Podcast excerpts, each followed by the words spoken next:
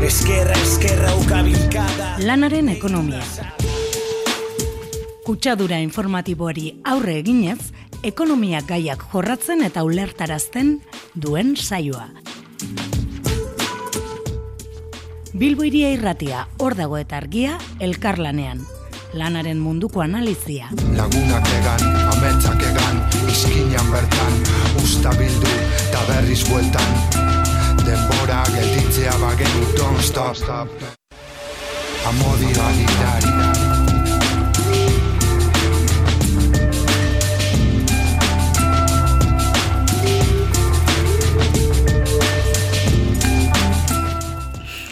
Hemen gagoz, berriz ere, astelenero bezala, lanaren ekonomia irratzaioan, Bilbo iria irratean. Lanaren ekonomia, Bilbo iria, argia. Hor dago eta El Salto radioren arteko elkarlanaren bidez e, ba, sortu da. Gaurkoan ere, sindikal agendarekin hasiko gara, ekietze barriaren eskutik. Sindikal agendan, urrengo amalau egunetako sindikatu eta herri mugimenduen deialdia jasotzen ditugu. Ondoren, elkarrizketek, elkarrizketekin jarraituko dugu, eta lehenengo izango da lan eskaintza publikoaren inguruan, elkarrizketatuko dugula inigo gerduño kokoko lan publikoaren arduraduna. Ondoren, Jon Bernard Zubiri elkarrizketatuko dugu lan erreformaren emaitza da enplegu mugagabearen, mugagabearen gorakada. Eta gero amaitzeko, argiako tartean, endika labort izango dugu, ezaitzatala ekonomiarekin engainatu. Hori buruz hitz egiteko. Eta orain, ba, bueno, sindikal agendarekin usten zaituztet, ekitze barriaren eskutik.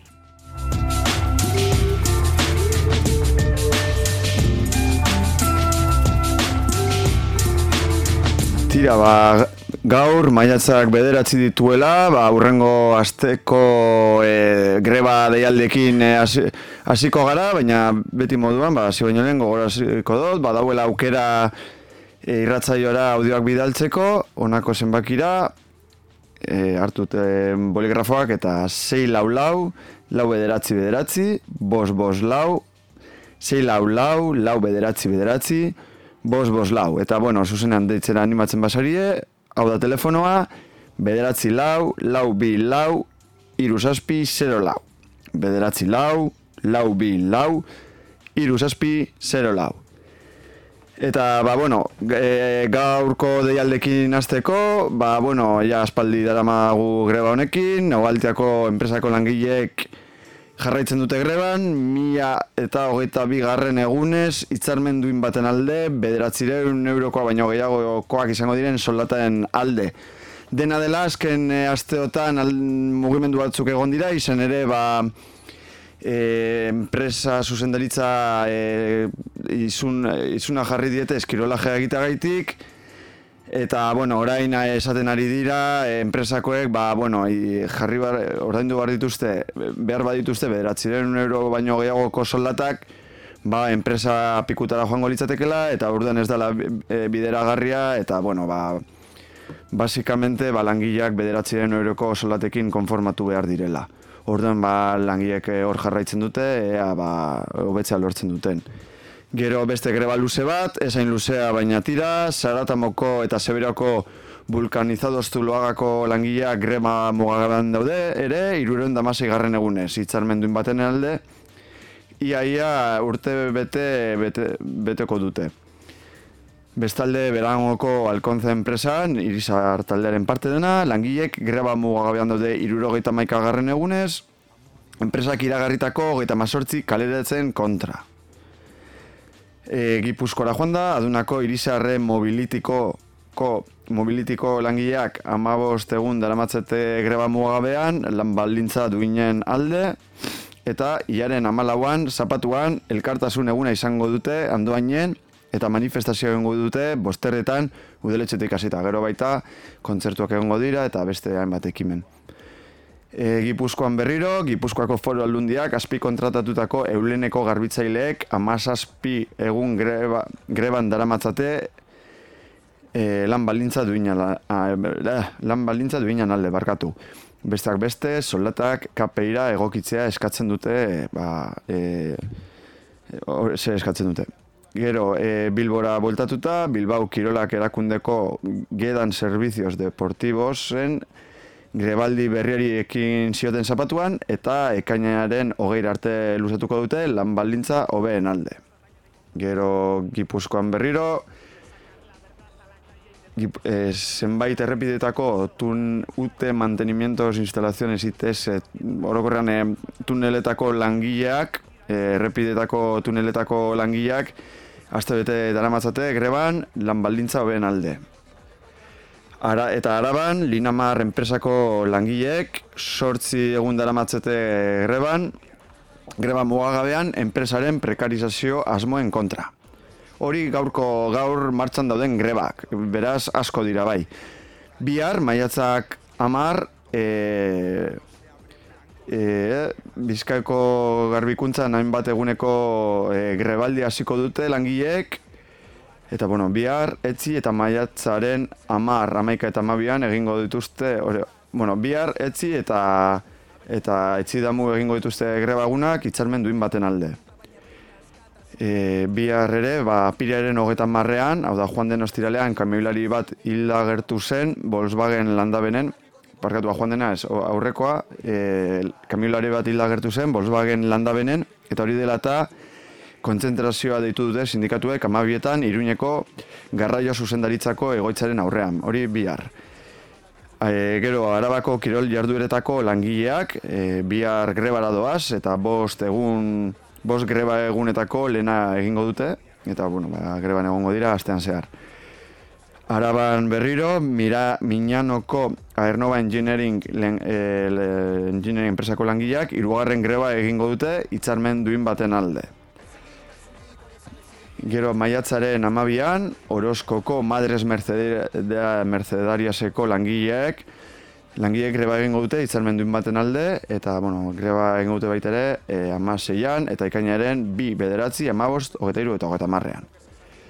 Ondoren, maiatzaren amaseian, astelenean, ba, asteleno legez, pentsionista kontzentrazioak egingo dituzte, herri guztietako plazetan, amabietan, pentsio publiko duinen alde eta osakidetzan beste, grun, eh, beste greba egun bat egingo dute, arreta espezializatuan eta osasun mentalean, benetako negoziazio exigitzeko e, osasun zailburuari eta osakidetzari.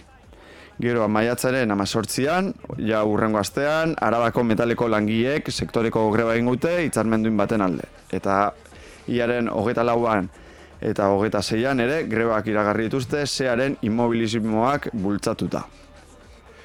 Maiatzaren eta ja bukatzeko, maiatzaren hogeita zeian, Euskal Herriko eskubide sozialen kartak manifestazioak deitu ditu zazpiretan, ego Euskal Herriko lau hiriburetan, pobretzaren aurrean energia publikoa eta berestasunaren banaketa eskatzeko. Eta horiek dira momentuz, e, maigainan ditugun deialdiak, gogoratu zuen deialdia bidaltzeko imeia badagoela, lanaren ekonomia, dena betera, abildua gmail.com lanaren ekonomia abildua gemail.com eta bueno, ba, jarrai dezagun lanaren ekonomia irratzaioarekin orain bertan elkarrizketa datoz, ezta? Ikurriña entzunen eko kerreko du Ez egin kasurik hori esan ezin Nire biotxaren taupadak entzun ditu bakarrik. Biarretza jarriko digute baina orain dik Aukena dokagu egiteko zerbait. Ez egin kasurik hori esan ezin Nire biotxaren taupadak entzun ditu bakarrik. Biarretza jarriko digute baina orain dik Aukena dokagu egiteko zerbait. Ez egin kasurik hori esan ezin Bueno, ba, gure gaurko elkarrizketari egiteko, e, ba, lan eskaintza publiko berriak e, iragarri ditu esko jolaritzak, e, eskuntzan, pasadan astean, eta bueno, osakidetzan beste batzuk e, espero dira baita ere, eta horien inguruko valorazio egiteko e, inigo garduño, komisiones obreraseko, arlo publikoko arduraduna dugu telefonaren bestaldean. Arratxaldeon, inigo. Arratxaldeon. Bueno, e, lehen da bizi, e, zein da e, komisiones obrerasen valorazioa apurtxu bete e, gaur martxan jartzen ari diren e, e, lan eskaintza publikoen euskal e, lan eskaintza publikoen inguruan? Ba, orain arteko gure hausnarketa nahiko negatiboa da. E, hain zuzen ere, e, urte honetako lehenengo zei hilabetetan egin behar genuen e, gauza bakarra du nagusiena e, epe hauen inguruan, e, bada, e, ba, bueno, alako e, ikusi behar da, ze plazak atera behar diren ekoietara, nola estabilizatu e, enplegu publikoa, eta zenbat plaza sortu behar diren administrazioan. Hau da, ez da bakarrik e, dauden plazak bete, baizik eta zeintzuk berrik e, sortu behar diren. Eta orain arte, ba, bueno, Eusko Jaurlaritzak ez du hoiek negoziatu izan nahi. Azken egin duena da, beraie, berak bakarrik egin ditu hausnarketa, egin du hausnarketa hori administrazio ezberdinetan, eta guri soilik, e, ba, bueno, e, adierazi digu zeintzuk diren e, bota nahi dituzten e, plazak. Eta, eta, bueno, azkenean plaza berri horien inguruan mota desberdinetakoak daude, e, bai eskuntzan bai, bai osasun gintzan, baina behintzet e, parte batean badekoie lotura ba, lan publikoa egonkortzeko lege berriarekin, ez? Abenduaren hogeita sortzian lan erreforma berriaren egun berean onartutako lege horrekin. Zein da estabilizazioa handia edo sektore publikoaren estabilizazioa handian e, valorazio orokorra eta konkretuki Eusko Jolaritzako lanpostuei begira dakon eragina? Ba, bueno, e, normalean administrazioak ez ditu e, datu zehatzak eman bere plazen inguruan edo e, kon, egiten duen aldi baterako kontratazioan. Baina, e, zaterako pasaden, otxaian, pasaden urteko otxaian e, dokumentu bat bidalizion e, parlamentuari, e, Eusko Lege non e, aitortzen zuen, ba, esaterako, e, irakaskuntzaren e, kasuan euneko berrogeta bosteko aldi baterako tasuna zuela, e, osakiretzaren kasuan euneko berrogeta mazortzia, eta e, e, erkidegoko administrazioan, hau da lakoako e, enplegu publikoan euneko berroget, berrogeta mazazpikoa. Beraz, ikusten denez, e, bueno, ba, zenbaki horiek dira, estatuko aldi baterako tasun tasa haundiena, eta e, orain arte aurkeztu dizkigun plazak oso motzak geratzen dira, ba hoiei, ba bueno, ba aldi, ba, aldi baterako hori e, murrizteko. Beraz, e, bueno, ba, gure ustetan nahiko aukera galdua bihurtu daiteke, e, ba, bueno, ba, oza, e, administrazio eusko jarbaritzak ez baditu zenbaki horiek handitzen. Oraindik ere denbora izan badu, azken finean, hilabete hau e, ere, ba, bueno, ba, hausnarketa hori zenbat plazatera behar diren e, aurkitzeko, ba, bueno, erabil daiteke. Eta, bueno, ba, gaur bederatzia da, badugu denbora, baina badirudi, ba, ba, e, esko jaurlaritzak ez duela horretarako borondaterik. Eta berez, e, e, egonkortxe handi horren baitan, e, kokatzen diren e, bueno, ba, lanpostu berriak e, ba, nahikoak izan arren, naiz eta Espainiako legeak argita garbi izaten deu e, postu estrukturalen euneko sortxia izango da bakarrik e, benbeinekoa, ez? Hau da, egonkortzea handia, e, zuke moten dozun temporalidade tasa ia e, erdi, lanpostuen erditik edo erditik orako horietan, euneko sortxira geistea, ia, ia, ezinezkoa izango da, ezta? Horrain arte eman dizkiguten e, zenbakiekin e, urrun geratuko gara uneko sortzi horretatik. E, legediak esaten zuena zen, helburua zela, e, aldi baterako tasa hori, uneko sortziaren azpitik e, bukatzea, eta e, gu, bueno, gu horren gainetik egongo gara, eta nahiko gainetik e, gainera. Ze, esan behar da ere, orain e, jaurlaritzak e, argitaratu dituen plaza horiek ez direla bakarrik e, estabilizazio epe prozesutakoak, baizik eta e, batxu ja aurretik aurrikusita zeuden epeak e, direlako, bai e, e, irakaskuntzan eta bai osasun gintzan ere, e, guztiak ez dira estabilizazioa, baizik eta batzuk, ba, bueno, aurreti, aurreko urteetatik e, datozen, datozen plazak direlako. Bai, eta em, orduan inigo, em, esaten dozunen apurtxu bete zehazteko pizkatxue lehenengo eskuntzan eta gero osakidetzan, ez? Azkenean, badira bi, ba, Euskal Autogobernuaren bi sektore nagusiak, e, Eusko Jalaritzaren aurrekontuen amabi eurotik zazpi e, bideratzen dira bi, bi partida hauetara, eta, bueno, ba, importantea da Euskal Zerbitzu Publikoen e, garapenerako, ez bakarrik langile beren bardintzeetik e, abiatuta orduan. Lehenengo eskuntzan, e, bueno, komunikabidetan iragartze, iragarri dabe 6.000 eta irureun lan postu, egonaz ikusten apurtxu bezelan dekilatzen batzuk e, lan eskaintza, oiko lan eskaintzaren bidez, beste batzuk e, estabilizazio legetik, hau da, ba, puntu edo aurretik lortutako puntuetatik, apurtxu bezin da, zin da komisiones obrerasek e, eskuntzan lan eskaintza publiko hauen valorazioa?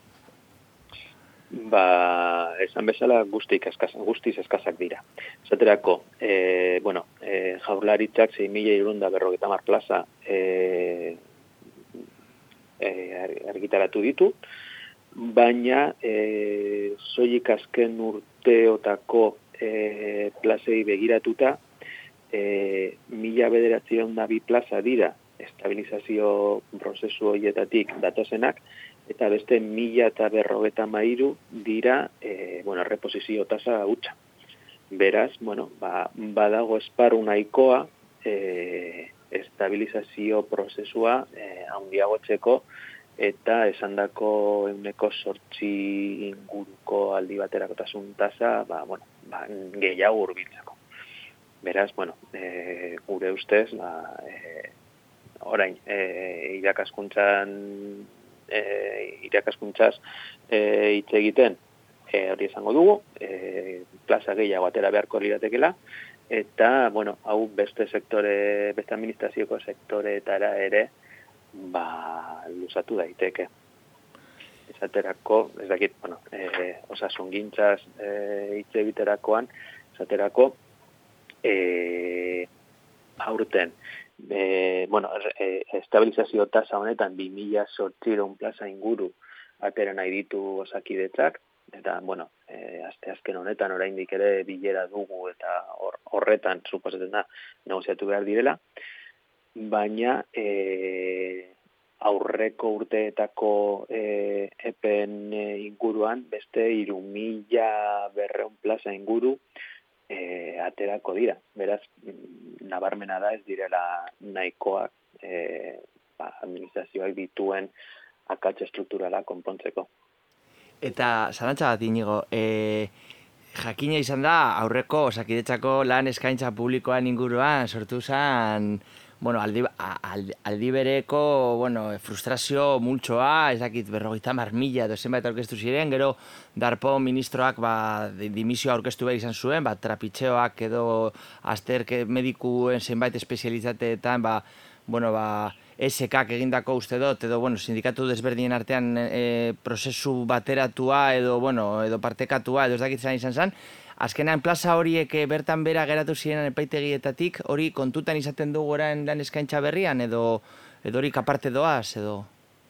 E, horiek aparte doaz, ze, e, esan bezala, e, bueno, baz, e, baz zeuden zalantza nahi kotxo, eta, bueno, nahi e, ez, ez bakarri zalantza, baizik eta susmoak nola, e, bueno, ba, e, epaimai batzuk, ba, bueno, e, epe horietako e, parteide batzuei, bueno, ba, laguntza eskaini ziotela, ba, ba, plaza, plaza lortzeko.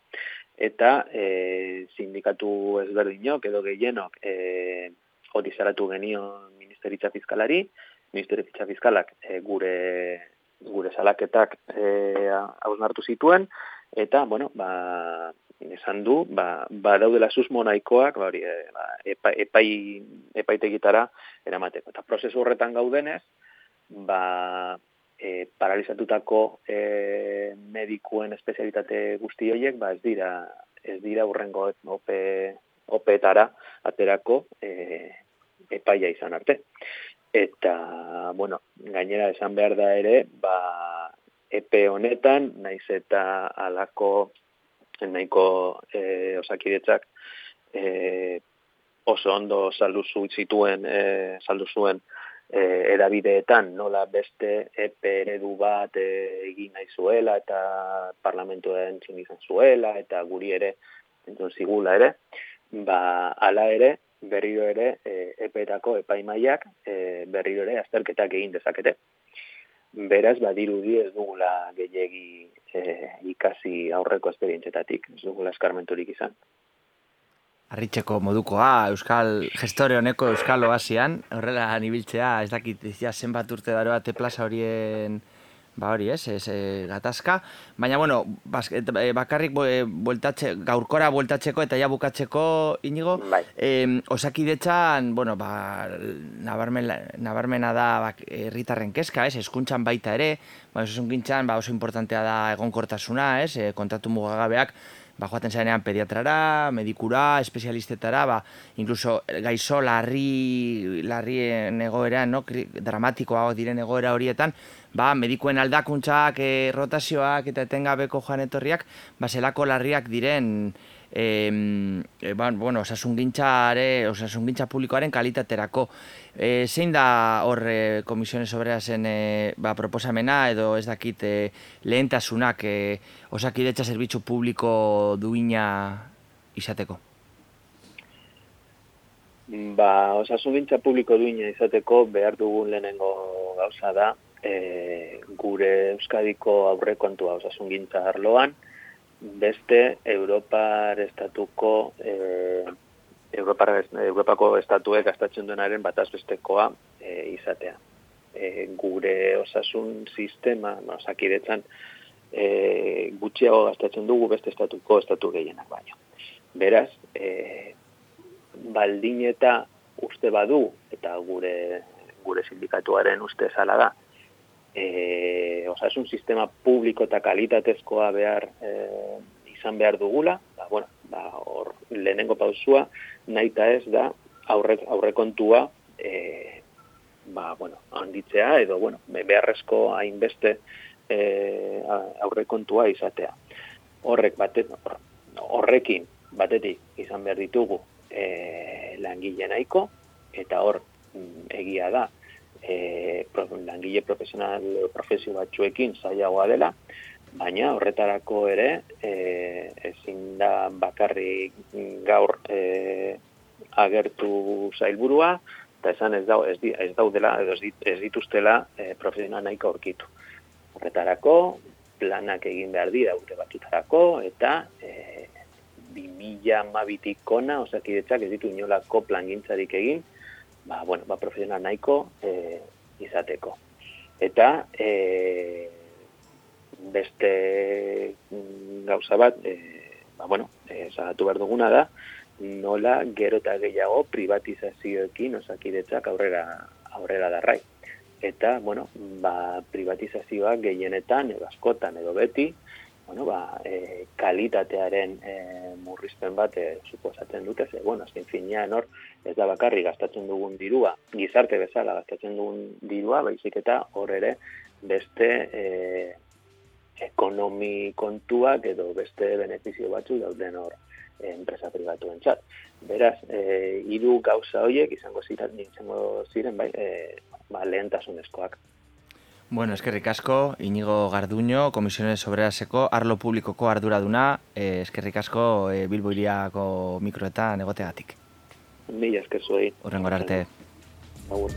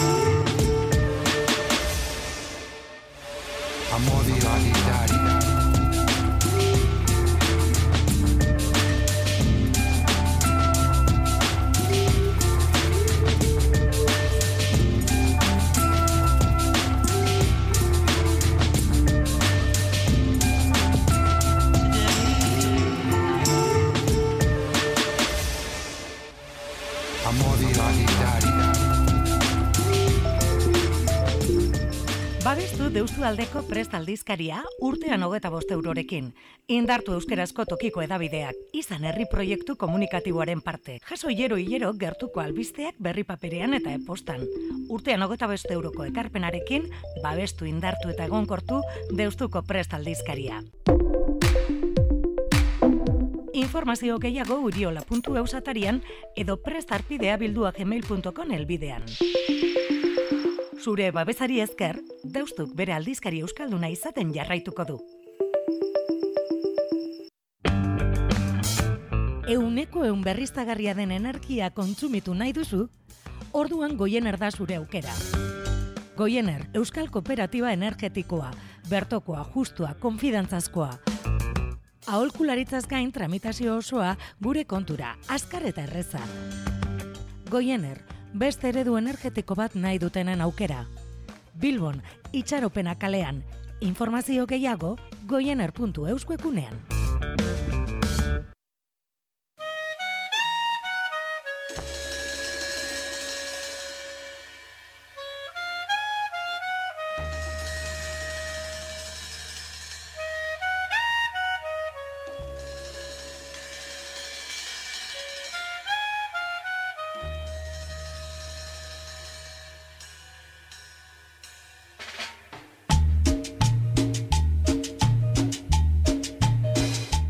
Dantzatu ezin badut, ez dut nahi zure matzina da.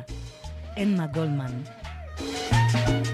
Luis Michel liburuak, feminismoa eta kultura kritikoa. Elkan hogeta zazpi kalean, Bilbo.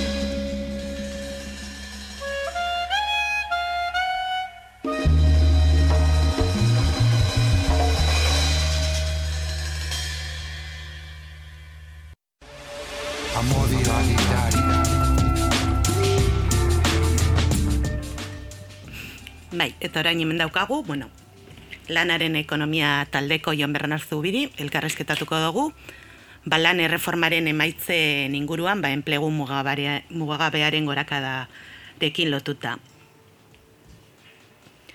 Bai, bueno, ba, iru hilabete eta erdi igaro dira lan, er, lan erreforma onartu zenetik, eta, bueno, espero baino kontratazio muga- mugagabe gehiago egin dira. Eta, bueno, baztertzeko, ba, mendako agu Jon Bernard Zubiri. Bueno, ba, azkenean ustez baino beto dabil kontratazioaren joera hau, ez? Ba, jo, eh, espero baino gehiago gehiago egin dira kontratazio mugagabeak, ezta? Bai, e, bueno, eh, ez dakit, e, lan erreforma onartu zen garaian, hemen la- lanaren ekonomian saioa man ekotxo eztabaidatu gendun, elkarrizketatu gendun sindikatuak, eta nik uste dut, inkluso e, lan erreformaren aldekoen artean, e, bueno, aurreikuspen baikorrenetan esan sartzen e, hainarin, ba, kontratu mugagabeen kopurua maila hain altu bat ere gotxera, ez? Beltza, Espainian, e, apirilean, e, kontrata, kontratu mugagabeak izan dira e, kontratazio berriaren nuko berrogeita sortxia, ia erdia.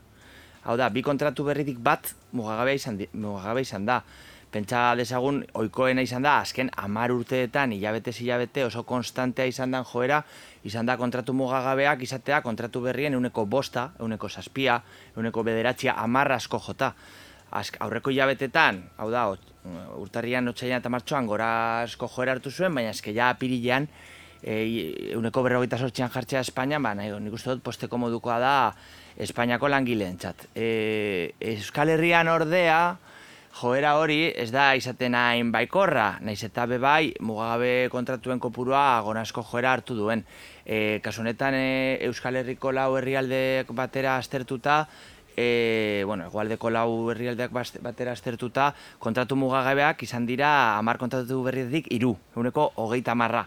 Berez, be, oiko, e, oikoa izan dana, baina asko saltuagoa, baina e, aztertu beharrekoa da Euskal eragile politiko eta sozialen aldetik zergatik mugagabea tasa, muga, kontatu mugagaben tasa igotzeko joera hori Espainiakoa Euskal Herrian motelago joaten ari da. Agian, ba, aurkakotasun nabarmena izan dauen, Euskal Esker abertzaleak, Euskal Eskuin abertzaleak, Euskal Patronal batzuk eta Euskal Sindikatu beste batzuk, igual horrek ez du joera laguntzen, agian hori da, edo agian da baita ere Euskal ekonomiaren osaketa posibleki eh, enplegu industrial gora, osea, em, industria piso handiagoa izan da, eta badakigu euskal industria banaiko txarto doala azken sasoi hauetan, ba, horrek be kontratatzeko joera agian e, motelagoa izatea ekarri du. Baina, bueno, edo zeinean, kontratazio mugagabea asko egoin da, eta nik uste dut oso, oso posteko modukoa da, e, bueno, Euskal Herrian, e, azken lau hilabetetan, e,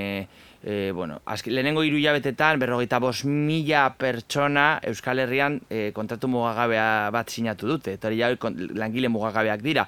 Apirieko datuare, datua gehituta, ba, nik uste dut e, kokatzen gara, e, gabonetatik ona, irurogeita mar mila langile, Euskal langile, e, kontratazio mugagabe baten sartu dira, eta hori ba, beraien bizitza eta beraien baldintzak e, nabarmen hobetzeko dala e, nabar, nabarmen hobetzeko da. Bai, ea. Orain arte, ba, bueno, komentatu duzu kontratu mugabe berriei buruz, ez? Eta, bueno, zer gertatzen da behinbeineko lan kontratuen kasuan, ba, da, behinbeineko kontratu hauek lan kontratu mugabean pasatzerakoan. E, aztertu duzu, aztertu dituzu datu hauek? Bai, em, e, historikoki aspaldin, aurreko amarkadetako lan erreformetan, sarritan esan da kontratu mugagabeak beharrezkoak direla eta temporalia gutxitzeko plangintzakin dira. Sarritan, lan erreforma, aurreko lan erreforma horietan, e, kontratu mugagabeak egiteko bidea izan da, kontratu mugagabea bera degradatzea, kaskartzea, hau da, kontratu mugagabe degradatu bat, eta edo temporalidadea tasak oso altuak izan dira, Europako altuenak ditugu Euskal Herrian eta baita Espainian ere, eta hor aspaldin egondan mekanismo bat izan da kontratu temporalak mugagabeak bihurtzeko, ez kontratu berria. Baizik eta temporala dana mugagabea egiteko ba, laguntzak, exonerazioak, eta bar, historikoki oso basoak izan dira. Kontratu mugagabeen kontratu mugagabe berrien, historikoki ez orain, azken hiru jabetetan, baina arreko urtietan, kontratu mugagabe berrien euneko iru, euneko lau, euneko bost, izan dira konbertituak. Izan dira temporaletik mugagabera pasata. Orain euneko hogeita mar, bueltan, kontratu mugagabe berri guztien ia-ia eren bat, konbertsioak izaten ari dira. Hori izan nahi deu, Karo, alde batetik, e, obra servizio kontratua desagertzen ari da, oraindik ez da guztiz desagertuta, ze reforma aplikatzo progresiboa deko, baina kainerako, ba, ia, ia, gu, ja ezin dira berriak egin, eta geratuko dira aurretik sinatutakoak, eta gero beste aldetik, eventualak, edo beste kontratu temporal nagusia, bai, konbertitzen ari dala asko, inkluso obra de servizio, baino gehiago, konbertitzen ari dala mugagoetan. Agian, lan erreforma berriak, ba, agian beste aldetik ba, kritikatzeko moduko lan erreforma izan da, kontratazioa nahiko fina izan da mugatzeko temporalidadeen kausalitateak. Eta gaur egun oso mugatua da, bai epean eta bai kau, e, kausan edo e, arrazoian edo ez dakit nola esan, mugatu da kontratu, kontratazio temporala eta horren ondorioz ba, ba, bai, konbersio maila oso, oso ona egoten ari da, eta, bueno, es, ari esan dudan moduan, aurre ikusi behintzet nik eta e, lan reformen aldeko beste batzuekin komentaten, aurre ikusi genuen baino askoz gehiago. Eduan nik uste dut, e, alan jarraituz gero, urtea maierarako, e, ba, temporalidade tasa nabarmenki jeitxiko da, uneko hogeita bi, hogeita irutik, ba, ea geisten bagara, uneko ama bost, ama bi batera, edo inkluso uneko amarrera, zergatik ez. Nahi, oso ondo. Bueno, Bazkenean ba, e, datu hauen irakurketa egiterakoan, ba, bueno, aspektu positiboak e, azpimarratu dizkiguzu, ez? Badaude beste alde iunik e, holan komentatzeko? Bai, badago alde ilun bat eta ez bi, eta esango du zergatik. E, e, adibidez, berriak e, martxoko datuak edo apirileko datuak egindako ba, e, berriako ekonomia lan, e, kasetarien aldetik, esaten zen, bai, baina kontratu mugagabe berrien erdia, ez da denbora osoko kontratua, ez? Klar, hor trampa, trampa, bueno, edo interpretazio kontu bat eh, dau, ze, klaro, erreformaren helburua kontratu mugagabe berriak egitea da, baina gure ekonomiak, Euskal Herriko ekonomia bereziki, ba, sasoean sasoiko enplegu asko ditu, bai komertzioan, bai ostalaritzan, bai nekazaritzan, hori Nafarroan batez ere, ze Bizkaian eta Gipuzkoan ez dira geratzen ja lehen sektoreko langileia, baina edo zeinean horrek sortzen deu urte osorako ba, kontratazio e, temporalak egiteko joera e, desagertarazteko kontratu finko etendua, fijo diskontinu horien erabilera igo nahi duela, oza, igotzeko baldintzak sortu ditu lan erreformak. Orduan, klaro, kontratu mugagabe berrien parte bat, finko etenduak dira, hori zen esan nahi deu, beti zauzela kontratatuta enpresan, baina egiten duzu lan sasoia dagoenean, eta sasoian lan egiten ez dozuenean, ba, parutik automatikoki ordaintzen txute, eta bueno, nahiko urte osoan zehar errentak bermatzeko edo lan, e, diruzarreak bermatzeko, batxutan lanean, beste batxutan ez, baina dozeinean e, kontratu berriak egin barik, beti zauz kontratatuta, beti zauz altan enpresan. E, nik uste dut hori, ez da ez da panasea, baina sasoian sasoiko betiko temporalak, baina hobeagoa dara, ze berez legez, enpresa horietan, e, finko etendunak erabiltzen duten enpresa horietan, derrigorrez, e, lan mugagabe, denbora osoko mugagabe berriak egonda, derrigorrez eskaini behar dotxie finko etendun horiei, eta finko etendu horiek bebai dekote, dekoi eskubide, lan eskubide gehiago, ba, paro utxera joaten zirenetik e, alderatuta, ez? Eta gero, alde iluna benetakoa da beste aldetik dagoela nahikotxu kontratu mugagabe, denbora partxaleko kontratu mugagabe nahikotxu. Badakigu hori gainera, bereziki emakumen, e, emakumen kontratuak direla, ze partxialitatea bereziki emakume horpegia duen lan forma bada, zoritxarrez, ez da gizon eta emakumen artean banatzen, ez? E, ba, la, la, zaintza lanen banaketa sexistaren ondorioz, edo lan e, munduan ba, emakumeak dekoen zapalkuntza bikoitzaren ondorioz, eta abar, baina dozenean bai, esan lehike kontratu berrien, kontratu mugagabe berrien oso datu, lehen, lehen esan dako, datu oso hori e, horren alde iluna, da badagoela temporali, sea, lan denbora partxaleko parte oso handi bat. Martxoan adibidez uniko geita sortxia eta eta pirilean e, bebai uneko geita marra. Orduan horrek bebai ba, keskatzeko modukoa da eta horretarako bebai, eta hori lan erreforman bebai abordatutako gai bat da, lan ikuskaritzaren berrindartzea beharrezkoa da, ze batxutan denbora partxaleko lan horiek iruzurreko lan, lanak dira denbora partxalean kontratatzen dutxut maitane, eta behar dudanean ordu gehiago sartzea, ordu, lan ordu estrak moduan, eta hori iruzurra da. Ze berez, enpresak badute beraien ordutegi normalak, eta aurretik ikusitakoen orduan, importantea da lan iruzurra indartzea, denbora partxal, iruzurreko denbora partxaleko lan horiek e, murrizteko edo desagertarazteko. Baita, bueno, ja maitzeko, ez? E, ze beste maitza espero dira, ba, bueno, lan erreforma honen inguruan? Bueno, ba, ez dekogu bola magikoa, baina badakigu lan erreformaren alde lehentasuna izan dela denboralidadea gutxitzea eta kontatu mugagabeak e, gehiago egotea, eta beste izan da negoziazio kolektiboaren sektore mailan e, eraginkortasuna indartzea. Horbe bai, ba, egon dira eztabaidak, adibidez lurralde e, itxarmenen lehentasuna edo ez, bueno, kasu honetan guk e, Bizkaia Gipuzkoa ban berez akordioz e, lehen esten diren itunak dira, ez da asko sinatu ez, eta nik uste dut lan, lan, lan erreformaren bigarren emaitza esperadua, baina ez dala kontratazio hain epela burrekoa, da negoziazio kolektiboan sektore itxarmen berriak, borroka sindikal unita, e, batasuna, bueno, borroka sindikal unitarioen bidez, sektore itxarmen berriak negoziatzeko joera. Hau da, gaur egun, babesten diren, lan reformak babesten ditu sektore itxarmenak, eta gainera bereien eraginkortasuna eta epe mugagabea, ultraaktibitatea berreskuratzen da, eta horren ondorioz, ba, eraginkorragoa da, borrokatzea eta negoziatzea eta adostea sektore mailako itxarmenak. Horrek zen edo, e, sektore baten langile guztien txako aplikatzen diren itxarmenak, eta ez bakarrik enpresa handietan edo sindikatu enpresentzia indartsua dekoien e, enpresetan. Orduan ikuste dut hori, ikusi beharko dugu e, kontseilu ekonomiko sozialak emandako datuak, oraindik ez dira urten, ez dakit urte amaierarako edo harinago valorazio datuetan oinarritako valorazio egina izango dugun, baina hori da, bigarren emaitza aurre ikusten duguna, da e, sektore mailako borroka sindikal unitario eta itxarmen kolektibo unibertsal berriak e, lortzea, ea, ea emaitza hori bebai ikusteko gai eta hemen kontatzeko gai izaten garen. Bale, ba, Ion Bernardu biri, eskerrek asko. Zuei.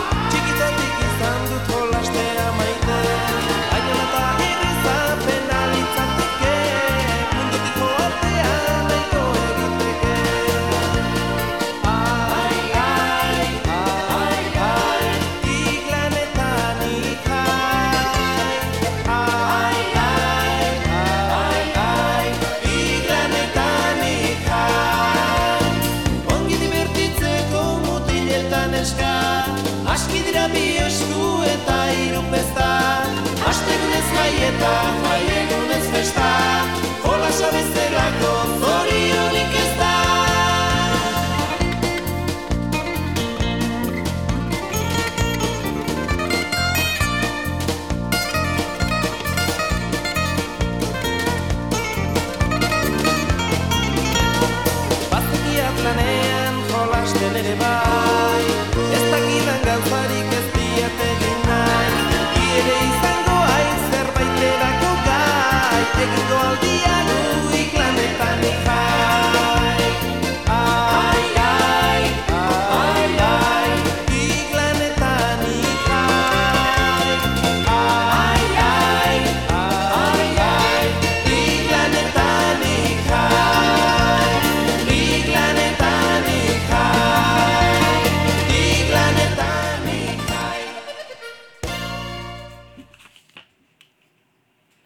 Bueno, orain argiako tartean, e, endika labor daukagu telefonoaren bestaldean.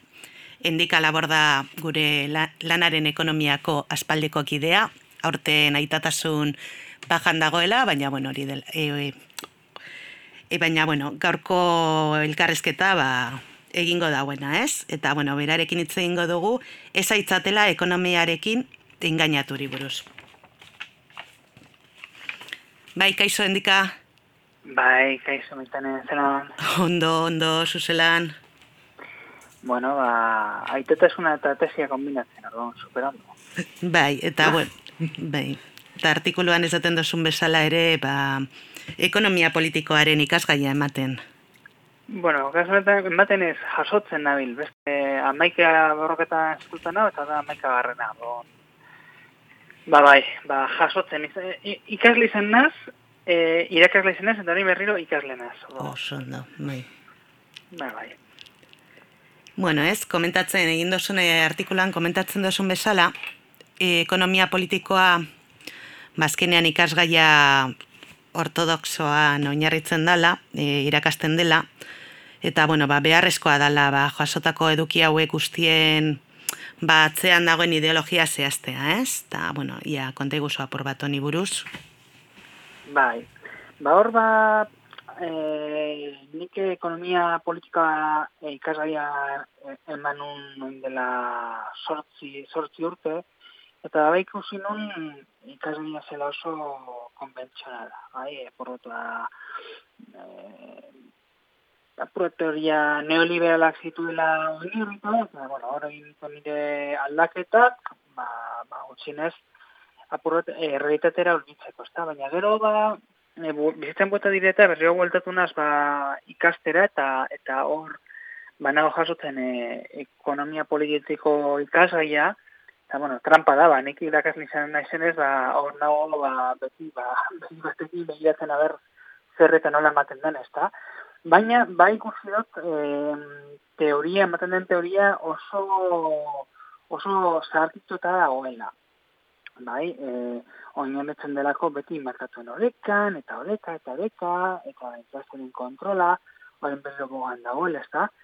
Baina, e, baita ere, ba, e, individualismoan zentratuta, individualismoan metodologikoan, ezta? Individu da, hortik erekitzen da, e, ekonomia politikoaren, ba, ba, materia, eta noski, denbora pasatu da, eta agertu dira hainbat kritika, kritika parte mm, edo ekonomista heterodoxen partetik, baina baita ere, ba, kritika feminismoaren aldetik, hau da, guk ez gara individu bakarra gizarte honetan, bezek eta daukagu gara gizarte sozialak, ezta? Ba, horrelako ba, beterokekin, ba, jantzita, ikasgaia ba, berpasatu nuen, eta ikusi nuen, ba, oso, egoera oso txarra zala. Noski, nola, nola saltzen da, ba, edo, zergatik eh, errepikatzen da mm, errealitatetik oso urrun dagoen teoria bat. Ba, ba hori lehi ulertzeko, ba, jomar dugu ba, noiz e, eraiki zen ba, ekonomia konbentzional hau, berrogeiko amartatik aurrera, eta zegoen, ba, ba, ekonomia konbentzional horren bihotzen zuen marginalismo, ez da, ba, apur bat, ba, lanaren balioen teoria, ba, esetatzen zuenak, eta ba, marginalismo epetzen duenean da, hitz e, potolo bat, e, baina apurate pentsa behar dugu neoliberaletan, bale? Apurate hitz tekniko bat da.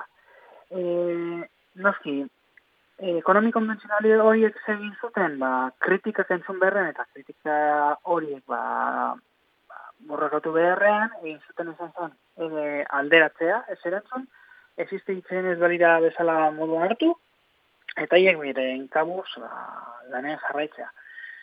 Horrela, ba, prestatu zituzten milioika ekonomilari, eta eta horrek ikusten da gaur egun ba ekonomia politiko ikerrean eta normalean ekonomia orokorrean ba zeratik e, ikuspuntuain atzerakoi e, dagoen horreten ezta?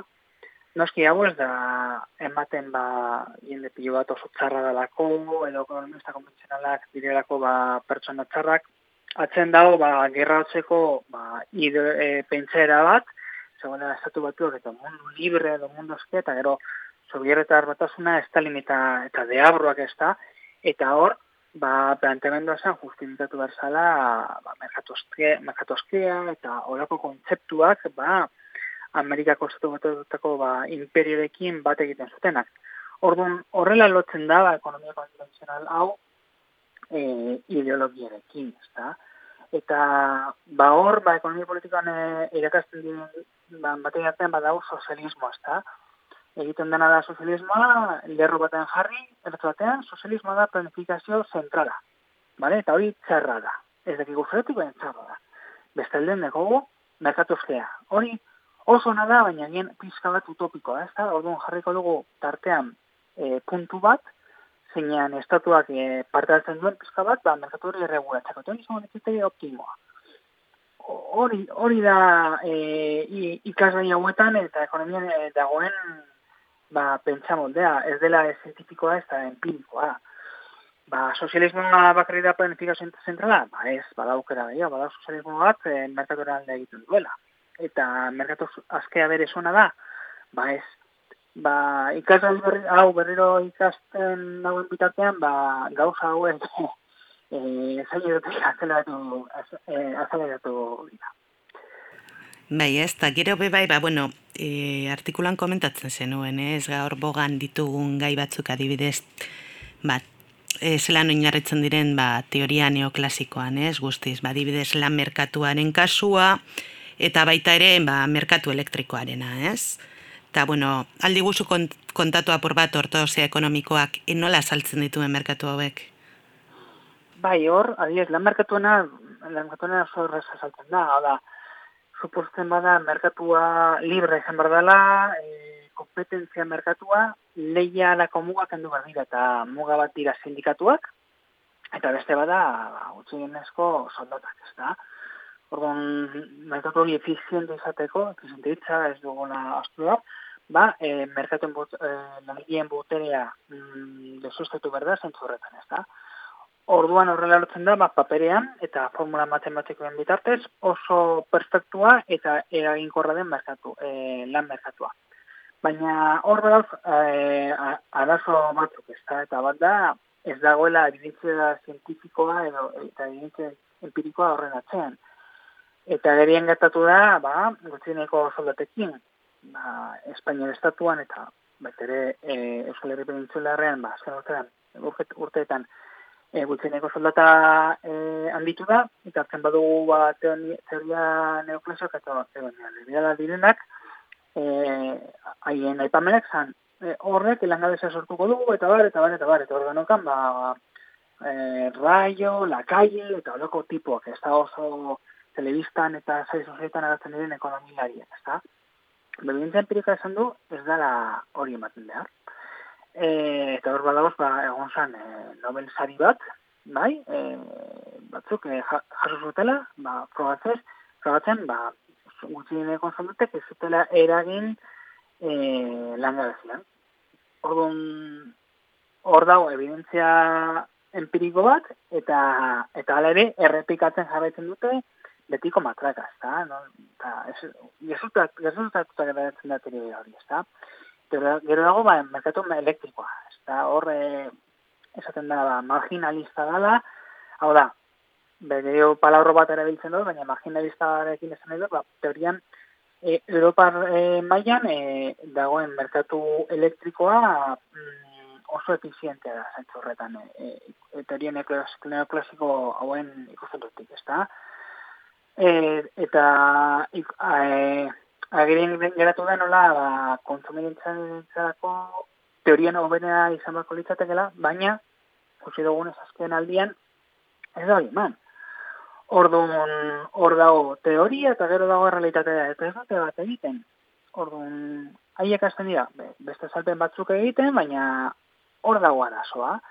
Beti pentsatzen e, teoria konbentzionalak esaten duela, ba hori ba, merkatu libreak eta bar, eta esaten direla, baina evidentzia empirikoak ba, asistatzen du, haiek esaten duten, ez da. Arazo zein da, ba, hor deko gula, ba, tribunal de kompetentzia batzuk, bai, Euskal Autonomia Erkidegoan eta bar, eta e, haien e, pentsera ideologikoa hau da. E, e, pentsamendu honetan, ekonomiko honetan oinarritzen da. Et, eta haiek badaukatela e, eragina, adibidez, lan merkatuan gipuzkoan bildu zauden bitartean, e, horrelunian, basaiatu ziren. E, aldaketa batzu zazen, e, la, e, ere ikuntzako lan hitzarmenean, eta kompetentziakoek esan zuten ez edo izan, izan, ba, kompetentzere dauka doala. Eske, agian kompetentzia perfektua ez da ona eta ez da existitzen. Orduan, ba, adibideak hori izan daitezke. Mhm.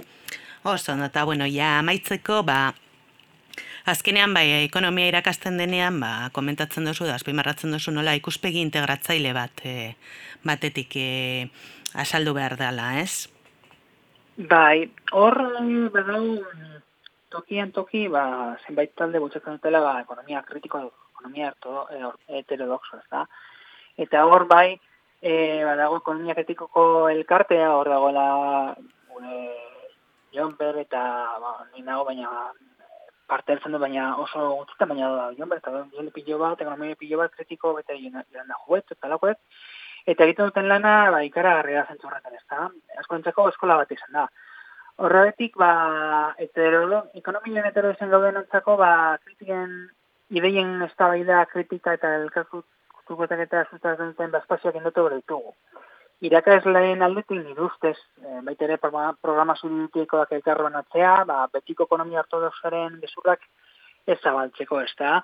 Eta hor, badago mito delo jende bat, eh, anekdota moduan dala, dala Adam Smithen esku ikustezina, ba, normalan karreratik ateratzen zarenean pentsatzen duzu, ba, bueno, eh, kontzeptu hori, da, merkatuak autorregulatzen direla eta bar, Adam Smithen, Smithek, ba, defendatu duela, duela, ez da, e, kontzeptu horrekin, ba, ez da egia, hor dago gezur, e, pentsamendu ekonomikoaren gezur handi bat, eta tipo batekin zuntzikagoko eskolako tipo bat, ala, neo, neo, neoliberala, Stigler, eta berak egin zuen esan, mm, ba, e, Smithek hiru alditan erabiltzi zuen kontzeptu bat hartu, eta horretan, horretatik, ba, marketing produktu izugarria, ba, eraikitzea, ezta?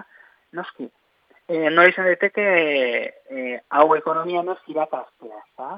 Ba, barretarako onberdila, ba, horrelako espazioak, ba, ekonomia kritikoko ba, elkartak eta horrelakoak, ba, hori bultatzen. bueno, ba, ba, eskerrek asko endika, e, azkenean, ba, bueno, ba, hitz egiteagatik, ba, azkenean zelan, ekonomia integratzaile bat beharrezko dugun, eta, bueno, ba, ez gaitzatela ekonomiarekin gehiago engainatu, azaltzerren. Bai, mi esker. Bai, urrengo arte endika. Bai, indazterate gehiago.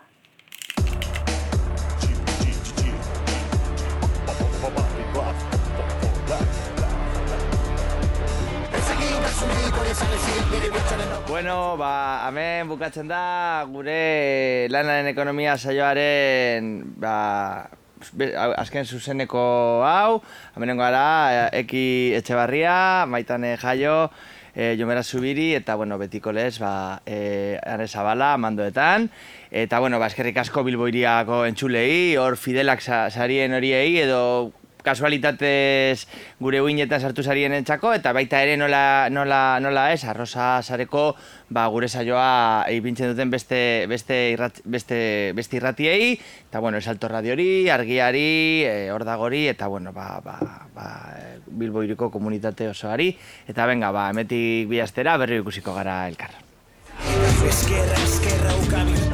Lanaren ekonomia. Kutsadura informatiboari aurre eginez, ekonomia gaiak jorratzen eta ulertarazten duen saioa.